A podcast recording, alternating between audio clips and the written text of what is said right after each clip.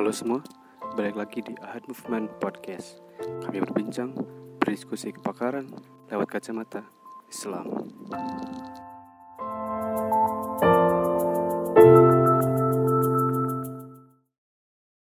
Jadi buat sobat Ahad semua, insya Allah event webinar 5 kali ini kita akan diberikan atau pemaparan materi akan disampaikan oleh Bapak Hendro Setianto. Nah, beliau merupakan uh, expert of stereo Imah Noong. Nah, jadi buat teman-teman yang sangat penasaran atau punya ketertarikan terhadap dunia astronomi, nah bisa banget buat datang di ke Observatorium Imah Noong. Di sana juga ada musolatorium yaitu musola seperti planetarium. Nah, untuk pendidikannya sendiri, Ustadz Hendro merupakan seorang santri lulusan Ponpes Tebu Ireng. Kemudian beliau melanjutkan pendidikannya di jurusan astronomi FMIPA ITB dari tahun 1993 hingga tahun 2000 dan juga lanjut melanjutkan S2-nya di alma mater dan jurusan yang sama yaitu ITB juga pada tahun 2000 hingga 2003. Jadi uh, tidak diragukan lagi lah uh, pemateri kali ini expert di bidang astronomi. Nah, kalau belum cukup, beliau juga merupakan asisten riset observatorium OSCA gitu. Jadi uh, siapa yang nggak tahu gitu bos kan? Beliau juga mendapatkan penghargaan rekor muri dari Muri yaitu dalam penghargaan observatorium keliling pertama. Jadi uh, di Indonesia. Nah, setelah itu pada Maret 2016 juga mendapatkan rekor muri lewat kacamata gerhana raksasa di Terentang. Ah, alhamdulillah uh, pematerinya sudah bergabung bersama kita semua di sini. Uh, Assalamualaikum Pak Hendro, gimana kabarnya? Waalaikumsalam, Assalamualaikum sudah. Ya.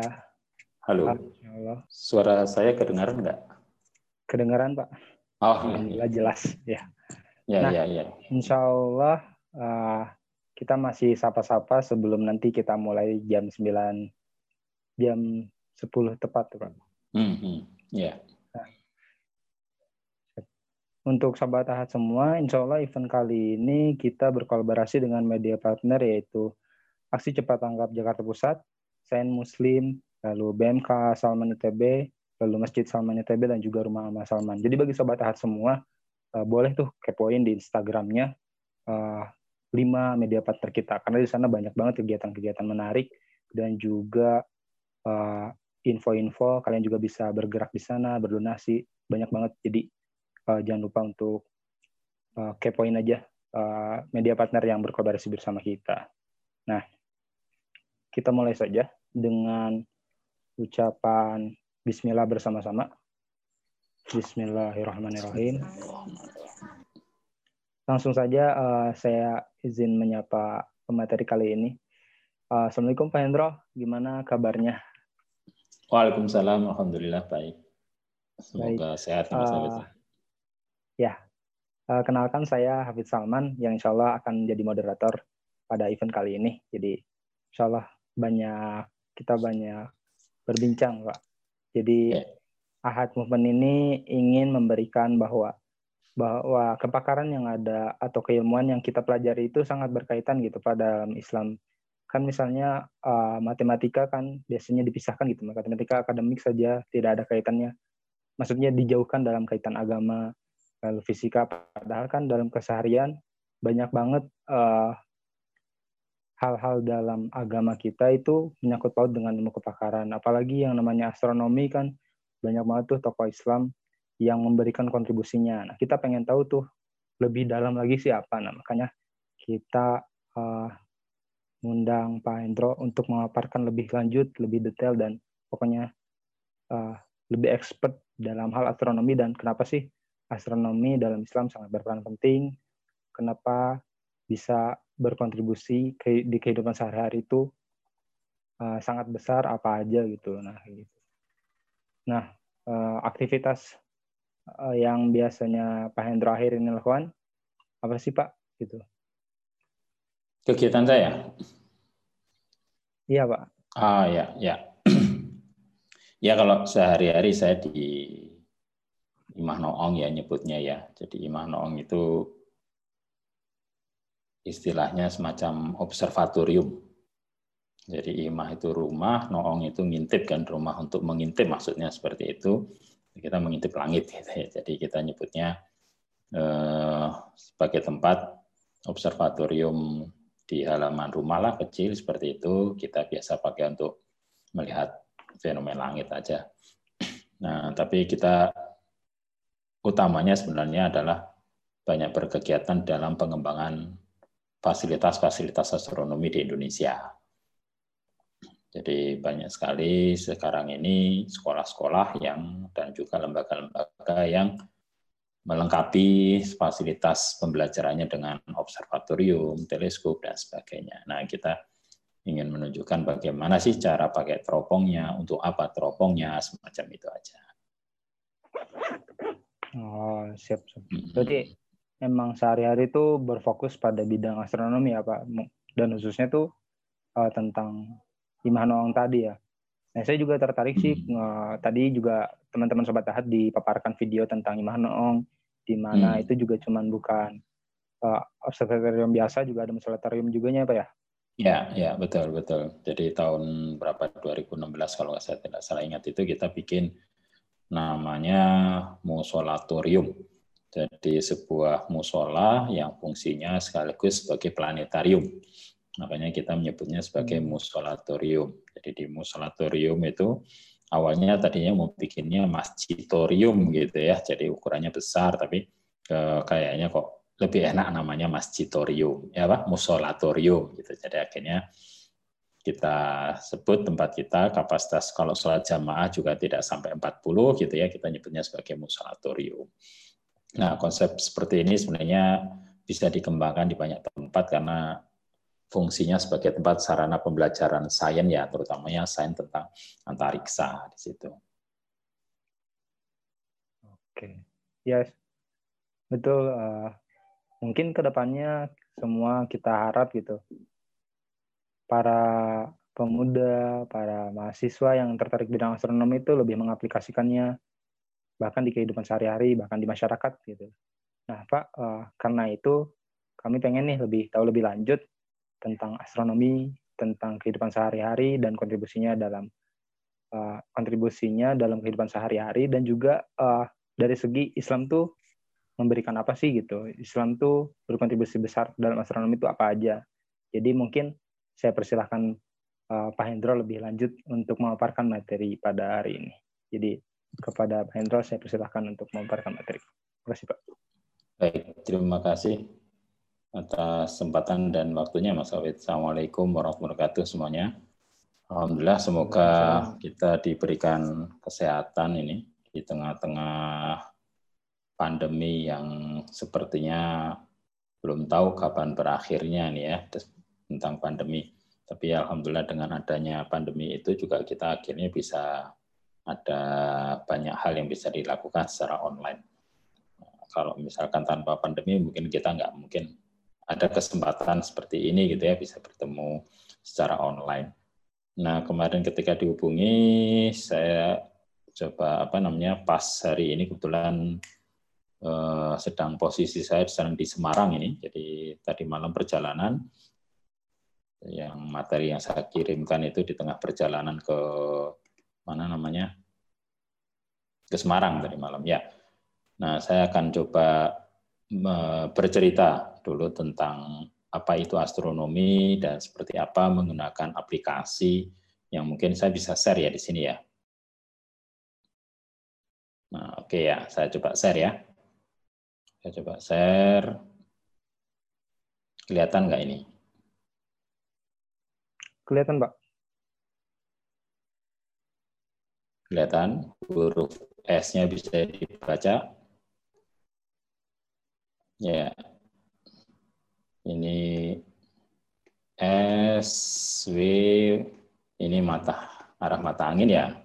Jadi semuanya saya yakin sudah, mungkin juga ada beberapa yang sudah sering menggunakan aplikasi seperti ini. Aplikasi seperti ini ada yang free, ada yang berbayar. Jadi kalau yang ingin free bisa download. Salah satunya namanya Stellarium. Itu free. Kalau yang kebetulan saya pakai ini dia berbayar ya, Starry Night Pro. Nah, Nah, di sini kita bisa membuat semacam simulasi tentang pergerakan benda langit. Oke, saya ingin mengenalkan astronomi itu apa sih gitu ya. Jadi astronomi itu adalah ilmu yang mempelajari tentang benda langit atau benda-benda yang di luar atmosfer itu itu sudah menjadi bagian kajian dari astronomi. Entah itu bulan, matahari, bintang, nebula gitu ya. Itu bagian dari eh, objek yang dipelajari oleh astronom. Nah, gambar yang ada di belakang saya itu oh, merah menyala itu gitu ya. Itu kita nyebutnya sebagai nebula. Nah ini kita sebagai nebula. Terus saya eh, tadi Mas Hafid maaf tadi Mas Hafid mau bagi-bagi hadiah katanya ya?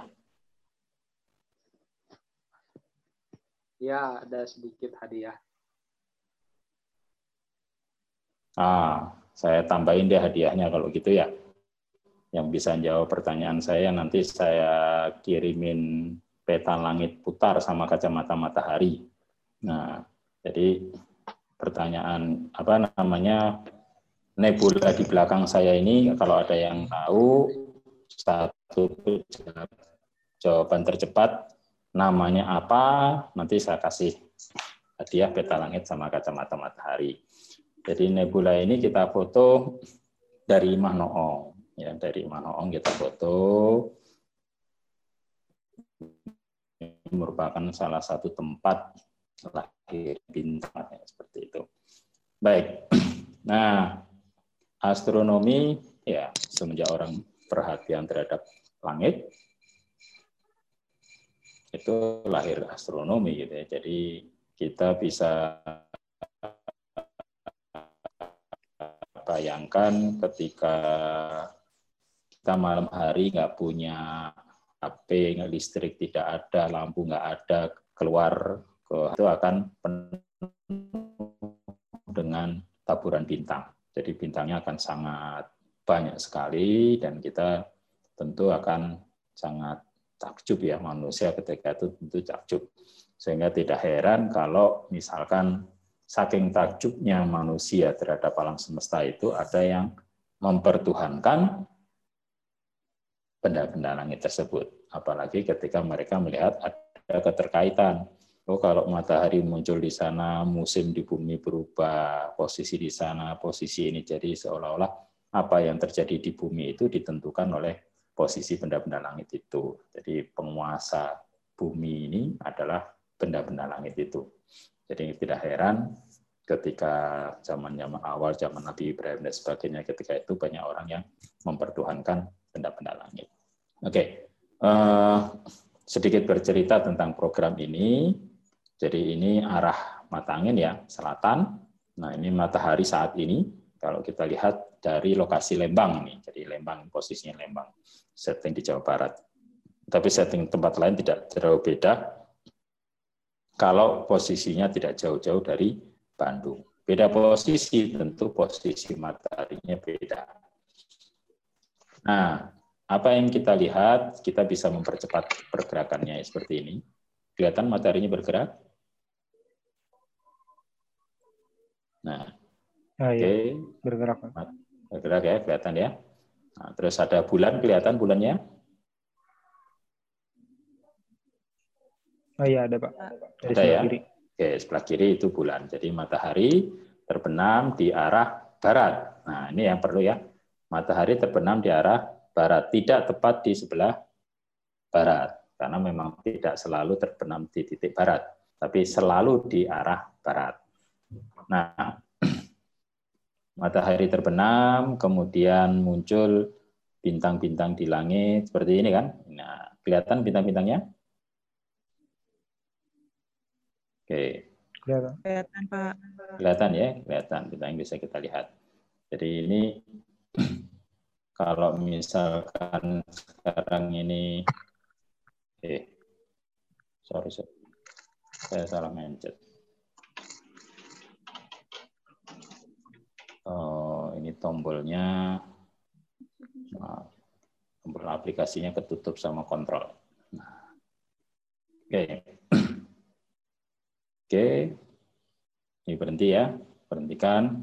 Ini bulan.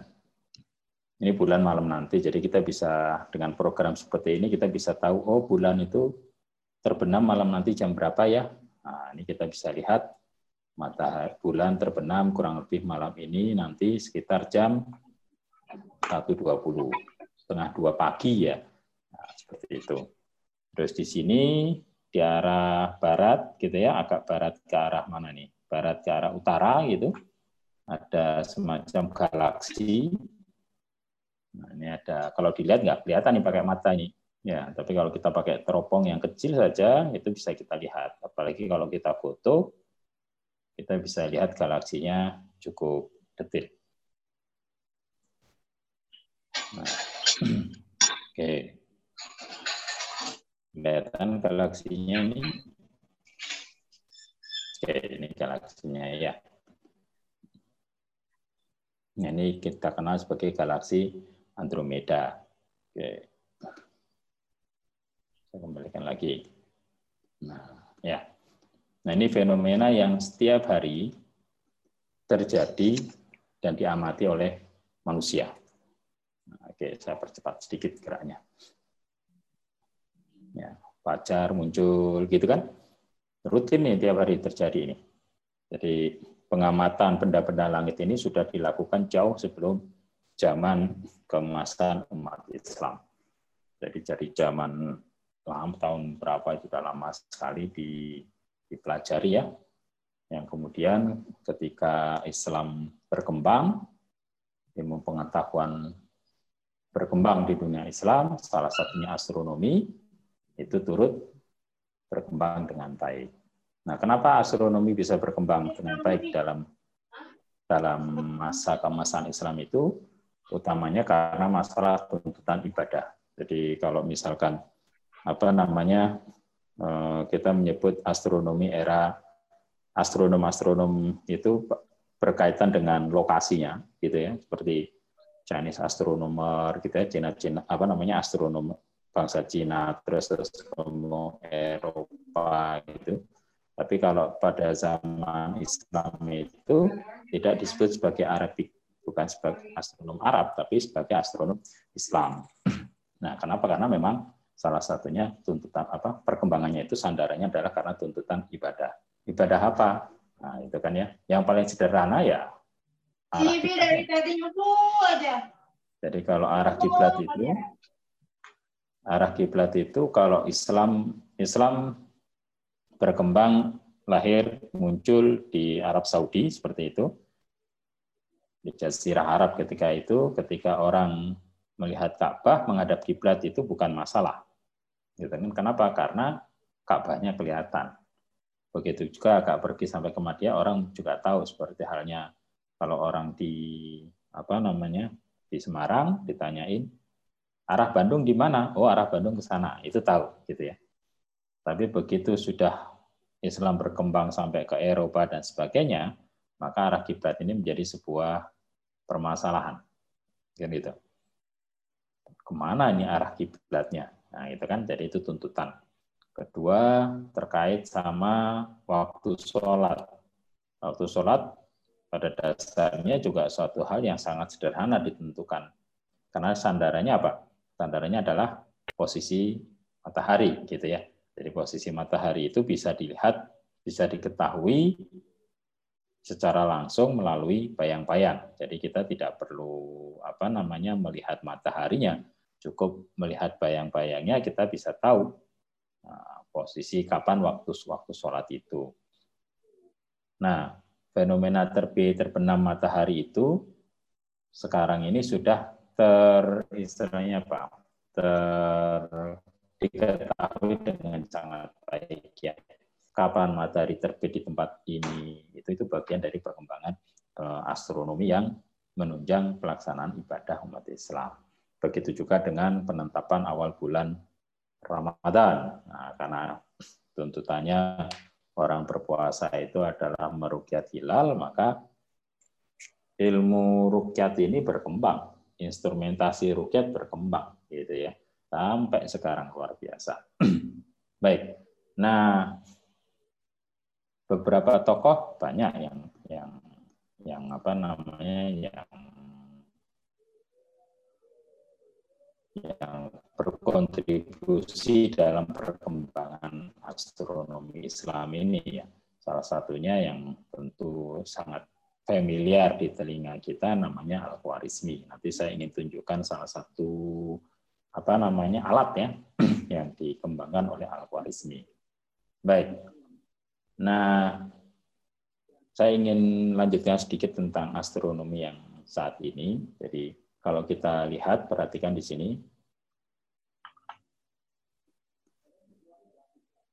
Oke, ini sekedar gambaran saja. Jadi posisi matahari itu terhadap pergerakan benda langit, terhadap bintang-bintang yang langit itu dia tidak tetap ya. Jadi kalau kita perhatikan, sekarang misalkan saya berhentikan ya, terus atmosfernya kita hilangkan.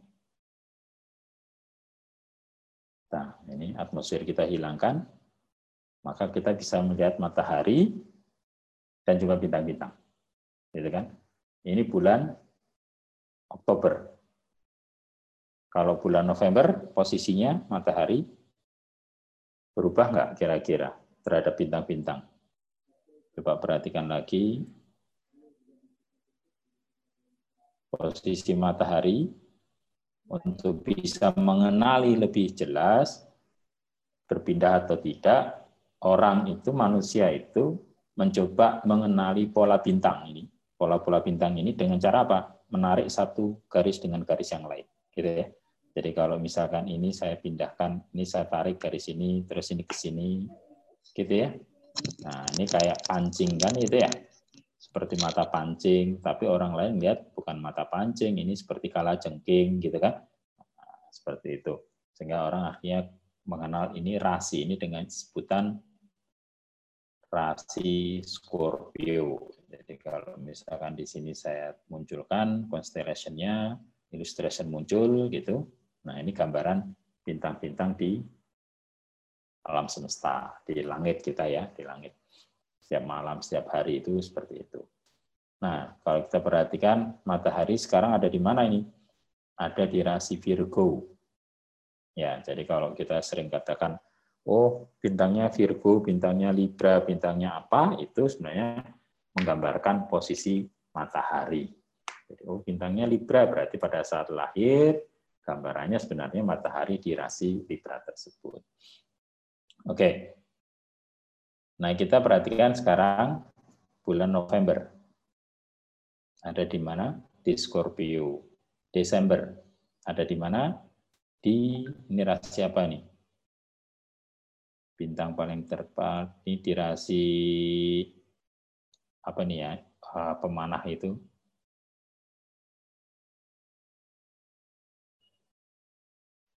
Terus berikutnya di bulan Januari kalau kita lihat eh maaf Januari. Nah dia berpindah ke Aries gitu ya. Februari dia di Aquarius gitu kan. Maret dia di Pisces. Jadi matahari itu berpindah dari satu rasi ke satu rasi selama satu tahun yang kita kenal dengan nama zodiak gitu ya. Jadi zodiak itu adalah tempat lintas rasi-rasi yang dilintasi oleh matahari. Nah, ini kalau misalkan di sini saya munculkan garis ekliptikanya nah ya. Jadi yang hijau ini, hijau ini, garis hijau ini adalah tempat lintasan matahari di langit. Nah, garis hijau ini melintasi 12 rasi bintang yang kita kenal dengan nama zodiak. Dari sini matahari berputar kembali lagi ke sini itu satu tahun. Nah itu akhirnya muncul konsep hitungan tahun, gitu ya. Nah ini sangat penting sekali hitungan tahun ini. Dan posisinya bulan, gitu ya. Itu juga kita lihat banyak sekali kalau misalkan punya program Al-Quran yang di dalam apa namanya seperti program Zeker atau apa itu kita tinggal tulis kata sun muncul berapa banyak itu gitu ya moon atau komar atau apa gitu kita munculkan ada berapa banyak kata yang itu disinggung di dalam Al-Quran. Nah, saya sendiri berkeyakinan bahwa apa pun yang disinggung di dalam Al-Quran, meskipun itu sekali, itu luar biasa penting. Apalagi ini berkali-kali, kan gitu ya. Jadi eh, banyak program yang bisa digunakan untuk melihat berapa banyak kata suatu kata di dalam Al-Quran. Baik. Kita lihat lagi pergerakannya. Nah, ini kalau ini pergerakan harian ya. Jadi dalam sehari matahari dia diam aja nih di posisi sini. Tapi kalau tahunan matahari ada akan bergerak Juni, Juli, Agustus gitu ya. Dia berpindah dari satu rasi ke rasi yang lainnya. Itu kita kenal dengan nama gerak tahunan. Baik. Nah, ini sekarang saya akan coba tunjukkan apa namanya PowerPoint yang saya buat. Jadi itu secara perkembangan astronomi. Jadi berkembang terus sampai sekarang dan masuk ke Indonesia. Seperti apa sih astronomi di Indonesia? Gambarannya astronomi Islam terutama itu seperti apa di Indonesia? Saya kemarin bikin sedikit PowerPoint ya, mungkin saya bisa share. Oke. Saya ingin tunjukkan alat aja sih sebetulnya alat hitung. Jadi salah satu yang paling penting kontribusi umat Islam yang astronom muslim yang penting ketika itu adalah terkanakan dengan instrumentasi astronomi ya. Astronomi. Ini gimana sharingnya? Stop. Terus masuk ke enggak ada. Dari pihak kami aja pak nanti di share oh bisa ya? Boleh. Udah buka kok tadi. Bentar, jangan-jangan ketutup.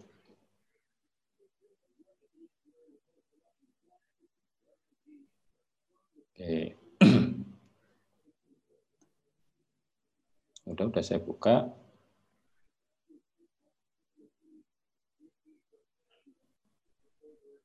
Dari awal aja, Mbak. Mas. Nah, oke ya. Jadi ini Oke, dalam kayaknya saya coba share sekali lagi. Saya coba ya kalau bisa biar lebih mudah di sayanya. Ini desktop. Oh, udah, udah bisa. Udah ketemu. Saya share ya. Oke, ya, Pak. kelihatan? Ya, karena saya tunjukkan beberapa ya. hal di sini. Oke, misalnya Kita lewat sampai ke sini. Nah, astronomi kalau kita katakan astronomi Islam itu ya Islam astronomi itu dari sisi sebenarnya astronomi ya sama aja itu semuanya. Hanya pada saat era perkembangan ilmu pengetahuan pada saat itu itu pengetahuan astronomi Islam itu berkembang dalam beberapa hal. Yang kaitan sama ibadah gitu ya yang sama ibadah itu terkait sama yang sebut saya sebut tadi rukyat hilal, kalender, arah kiblat dan waktu sholat. Meskipun sebenarnya tidak hanya itu. Ya.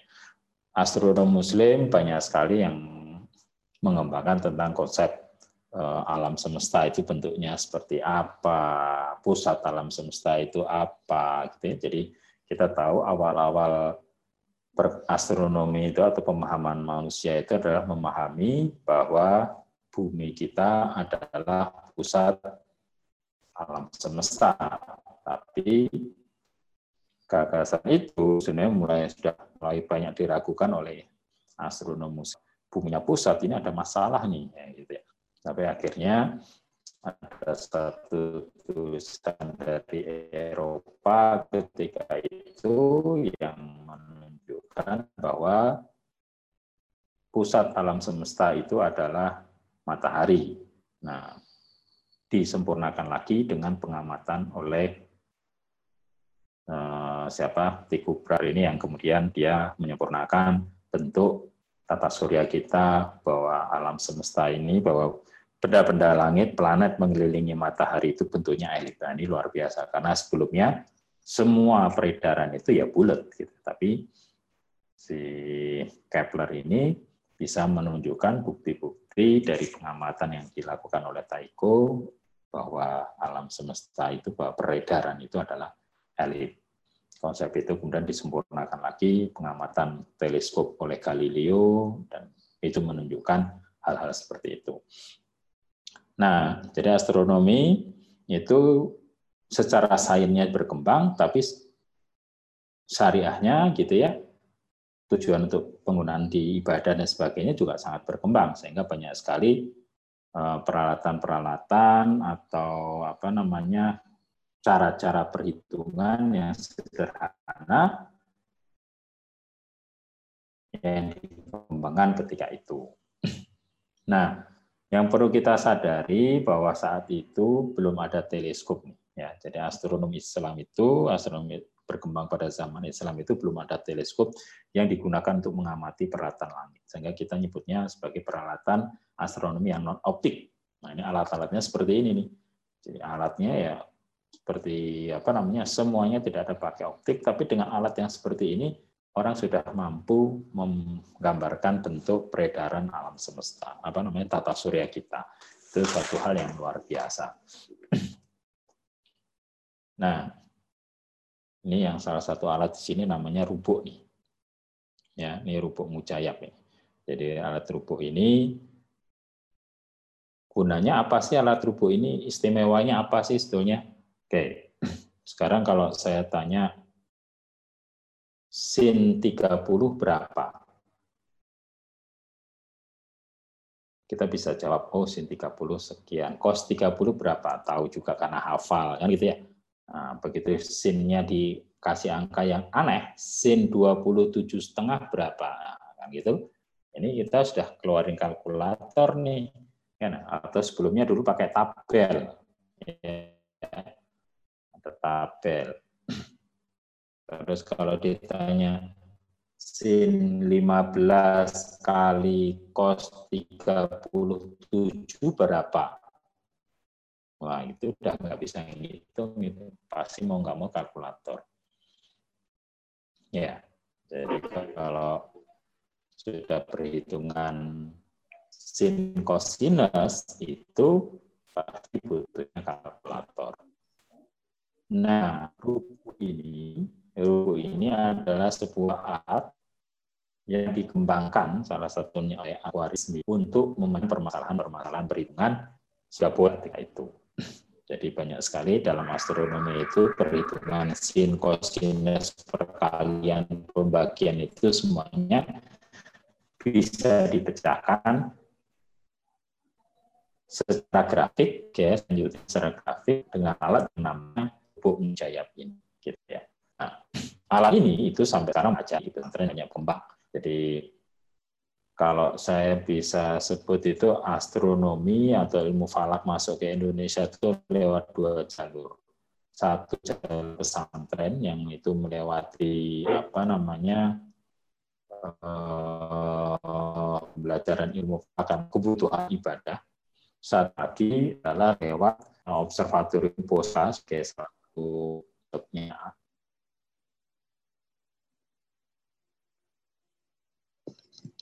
Uh, sepertinya jaringan Pak Hendronya sedang terputus ya teman-teman. Uh, tadi dijelaskan oleh Pak Hendro bahwa bagaimana astronomi itu berkembang di Islam khususnya karena kebutuhan ibadah kita gitu ya. Sambil menunggu jadi boleh diskusi aja, boleh ada yang open video boleh silahkan. Bagi yang mau uh, unmute juga silahkan ketika Pak Hendronya sedang bertanya itu sangat kami persilahkan buat teman-teman semua. Nah, karena eh, ini di luar dugaan ternyata Pak Hendronya teknisnya tiba-tiba keluar, kita tunggu. Nah, untuk teman-teman di sini kira-kira uh, untuk rekaman, oke, okay. insya Allah ada rekamannya. Nanti kami share di YouTube Ahad Movement, jadi boleh uh, ditunggu aja buat sobat Ahad infonya makanya uh, kami sarankan nggak usah atau jangan dulu keluar dari grup itu gitu atau uh, bisa uh, subscribe nanti di channel Ahadnya. Ada lagi pertanyaan lain mungkin? Sudah uh, ada lagi. Baik. Uh,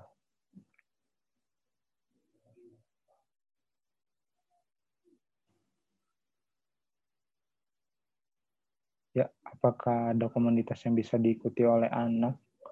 Uh, insya Allah uh, untuk Ahad Moment sendiri kami belum memfasilitasi itu, cuman untuk komunitas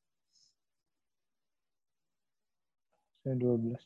Oh ya, uh, mungkin nanti bisa ikut media partner kami, Science Islam. Di situ banyak info-info menarik. Hanya untuk bidang astronomi mungkin kita masih uh, belum punya uh, channel atau link ke sana. Tapi insya Allah mungkin nanti kita akan bantu dengan menghubungi Ustaz uh, Pak Hendronya apakah ada komunitas semacam komunitas astronomi untuk anak-anak. Selanjutnya PPT-nya akan di-share atau tidak. Insya Allah akan kami share uh, di grup, tapi uh, kami dengan jangka waktu tertentu. Jadi ditunggu aja, insya Allah kami akan share juga.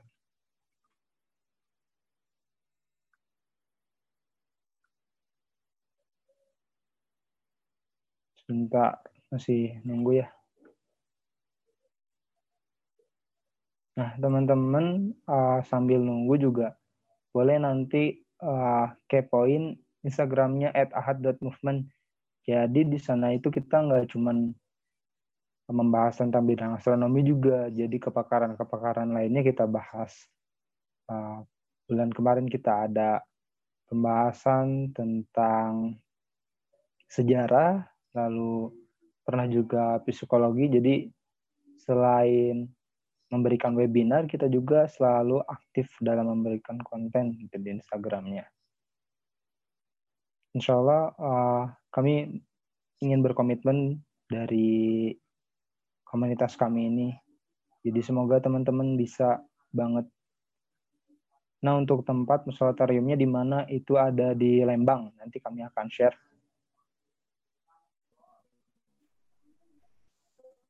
Ya, insya Allah uh, Halo, perlombaan ya. Nah, kita sudah kembali. Waalaikumsalam. Gimana uh, Pak Hendra sepertinya jaringannya tadi ter, sempat terputus.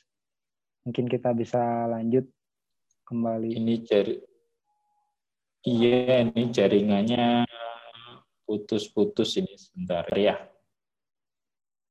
Siap. Nah, uh, sambil menunggu Pak Hendronya menyiapkan. Tadi ada pertanyaan, ada seorang peserta yang punya anak dan udah ada ikut lomba, cuman belum ada fasilitas laginya ya. Uh, insya Allah sih ke depannya akan banyak beragam info menarik dan juga kegiatan-kegiatan menarik dari Ahad Momen itu sendiri. Kami juga dulu pernah mengadakan kelas desain, di mana itu diikuti hampir uh, 60 lebih peserta. Nah, Baik. Halo, tes suara saya sudah bisa masuk? Sudah, Pak. Ah, bisa dilanjut lagi. Sudah ya? Oke. Baik. Saya lanjut lagi ya. Ya, Oke. masih ada. Izin share lagi. Nah, baik.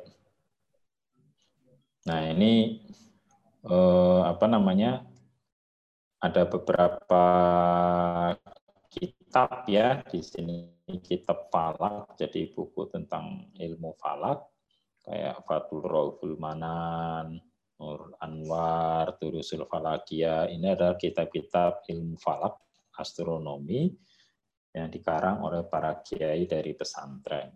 Ini ada dari Kiai Maksum Ali Sebelah, ini tahun 1900-an awal-awal ya terus Abu Hamzah Abdul Jalal dari Kudus gitu ya. Ini ini para ahli falak yang yang apa namanya menurut saya kontribusinya luar biasa dalam pengembangan ilmu falak di Indonesia. astronomi ya dalam hal ini astronomi terapan untuk pelaksanaan ibadah. Nah ini yang tadi saya sebut kalau di pembelajaran ilmu falak atau astronomi di Indonesia itu secara sains itu tahun 1765 itu sudah ada ya jadi ada observatorium Moore itu tahun 1765 kalau secara aplikasinya oh, Masjid Soko Tunggal itu tahun 1288 adanya masjid itu artinya menunjukkan pemahaman arah kiblat arah pengukuran perhitungan arah kiblat yang cukup baik. Kalau enggak, enggak bisa itu masjidnya berdiri dengan arah kiblat yang betul. Gitu ya. Jadi ini menunjukkan bukti yang luar biasa. Terus kalender Jawa Islam itu tahun 1625 ini juga suatu hal yang menurut saya luar biasa. Konsep kalender itu luar biasa bagaimana ketika itu kalender eh, apa namanya Hindu gitu ya dirubah menjadi kalender Islam gitu. Ini perubahan sistem kalender dalam sebuah pemerintahan ini juga menunjukkan eh, pengaruh kekuatan Islam yang luar biasa di tanah Jawa ketika itu sehingga sampai sekarang kalender Jawa Islam ini masih diteruskan ya, penggunaannya masih ada sampai sekarang masih dipakai. Dan apa di tahun 1625-an lah jadi jauh sebelum jauh ratusan tahun sebelum dari Bank Eropa masuk ke Indonesia ini, ilmu falak astronomi itu sudah dikenal, sudah diterapkan aplikasinya di Indonesia. Bahkan jauh sebelum itu ketika zamannya apa namanya zaman kerajaan-kerajaan sebelumnya kayak apa namanya Majapahit ya Majapahit bisa sampai melalang buana ke mana-mana itu karena pemahaman navigasi langitnya yang luar biasa tanpa pemahaman navigasi orang nggak akan bisa melakukan pelayaran ke mana-mana gitu ya. Itu. Nah, ini yang tadi saya sebutkan rubuk mujayab. Ini sebuah alat yang menurut saya unik ya. Bentuknya juga sederhana. Nah, ini saya menyebutnya sebagai kalkulator trigonometri. Jadi kalau selama ini kita belajar trigonometri itu langsung dari segitiga, sin, kosinus, sudut dan sebagainya. Sebenarnya asal mulanya itu di sini. Bahkan saya menduga kenapa namanya sin. Dari mana kata-kata sin itu, gitu ya. Nah, saya sih menduganya alat ini itu kita nyebutnya kotak-kotak sin itu ya istilahnya jaib. Jaib itu kalau disingkat itu ya biasanya ditulis jaib, jaibut tamam. Jadi jaib dan jaibut tamam itu seperti sin dan kosin gitu ya. Jadi cos itu kan kebanyakan dari cosinus gitu ya. Cosinus itu artinya complement of science. Jadi komplement pelengkap dari sinus. Itu bahasa Arabnya jaib.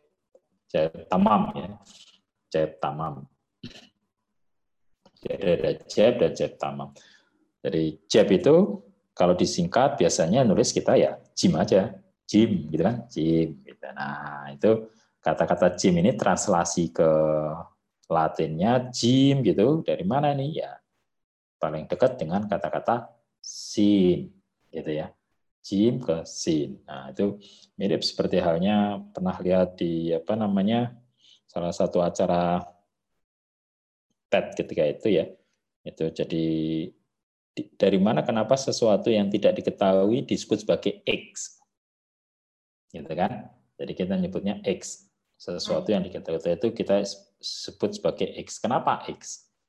Nah, itu merujuk pada suatu menurut beliau ini kenapa X? Karena dulunya kalau dalam kita kita sesuatu yang tidak kita itu tulisnya syai'un, syai' gitu kan.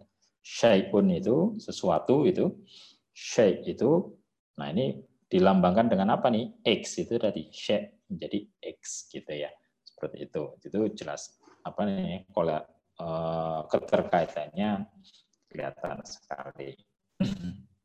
Nah, yang sangat disayangkan ketika era teleskop itu tahun 1610 muncul, makanya tadi di awal saya sebutkan itu perkembangan yang luar biasa dunia Islam ketika non optik. Tapi begitu muncul optik itu eranya adalah bersamaan dengan era kemunduran umat Islam ketika itu sehingga dari tahun pertama kali 1610 ini teleskop ini mulai dikenal untuk pengamatan benda-benda langit gitu ya. Tidak ada observatorium di dunia Islam lah katakanlah seperti itu sampai tahun 1903 di Mesir. Gitu ya. Jadi 1903 ini di Mesir dapat katakan observatorium pertama ini di dunia Islam. Sebelumnya ada di Beirut, tapi ini pun yang bangun bukan orang orang Beirutnya dan tahun 1800 ya, tapi dari Amerika kalau saya tidak salah dia bangun seperti ini. Jadi memang ketika itu banyak sekali observatorium dibangun di sejumlah tempat kaitannya untuk mencoba mengamati langit dari berbagai lokasi gitu ya. Salah satunya adalah observatorium Bosca yang dibangun tahun 1923. Jadi ini teropongnya yang luar biasa besar. Ini teropong sebesar ini orangnya segini. Kan gitu ya. Jadi kita bisa bayangkan betapa besarnya ini. Meskipun teropong yang sekarang lebih gede lagi, karena ada optik yang besarnya itu lebih besar dari bangunan kubahnya observatorium besar Bosca gitu ya. Jadi ini nah kalau kita lihat sekarang alhamdulillah perkembangan observatorium di dunia Islam eh, maaf di Indonesia paling enggak gitu ya sudah mulai banyak ya banyak sekali sekolah-sekolah gitu ya ini seperti di Subang ini BPI Bandung ya Observatorium Binaya, Observatorium Emaya, terus ini di mana namanya Tomohon, ini di Asalam Pesantren gitu ya. Sudah mulai mengembangkan observatorium. Terus kemudian ada juga di dunia UIN IAIN itu sudah banyak sekali mengembangkan observatorium-observatorium untuk pembelajaran mengenai langit. Gitu ya. Ini alhamdulillah sekali dan ya pemicunya apa? Pemicunya kenapa ini banyak sekali ya kalau kita lihat-lihat sebenarnya lebih banyak faktor karena itu tadi tuntutan ibadah. Ada satu hal yang belum selesai sampai sekarang yaitu masalah kalender dalam dunia Islam. Jadi kalender Hijriah ini belum final nih. Nah, sehingga banyak sekali sejumlah pihak itu mengembangkan observatorium harapannya adalah untuk pengamatan rukyat hilalnya seperti apa, pengembangan kalendernya seperti apa, gitu ya. Itu yang yang yang apa? Eh, sekarang ini sedang banyak dikembangkan di Indonesia. Ini alhamdulillah karena banyak sekali yang yang berkembang ya, berkembang di sini. Nah, oke, okay. dari kita sendiri di Imah Noong mencoba membuat sebuah prototip yang sederhana, harapannya bisa ditiru orang lain untuk mengembangkan hal yang sama. Jadi ini di sejumlah pihak banyak hampir di tempat-tempat ini kebetulan kita terlibat ya dalam entah dalam pemasangan instalasinya, perencanaannya atau eh, apa kelengkapan peralatan, training dan sebagainya kita Manong gitu ya kita terlibat. Jadi alhamdulillah eh, saya bisa melihat perkembangan astronomi ya terutama pengembangan fasilitas astronomi yang luar biasa di sejumlah tempat. Baik Mas, mungkin sementara itu dulu. Nanti kita diskusi kalau misalkan ada pertanyaan silakan gitu ya.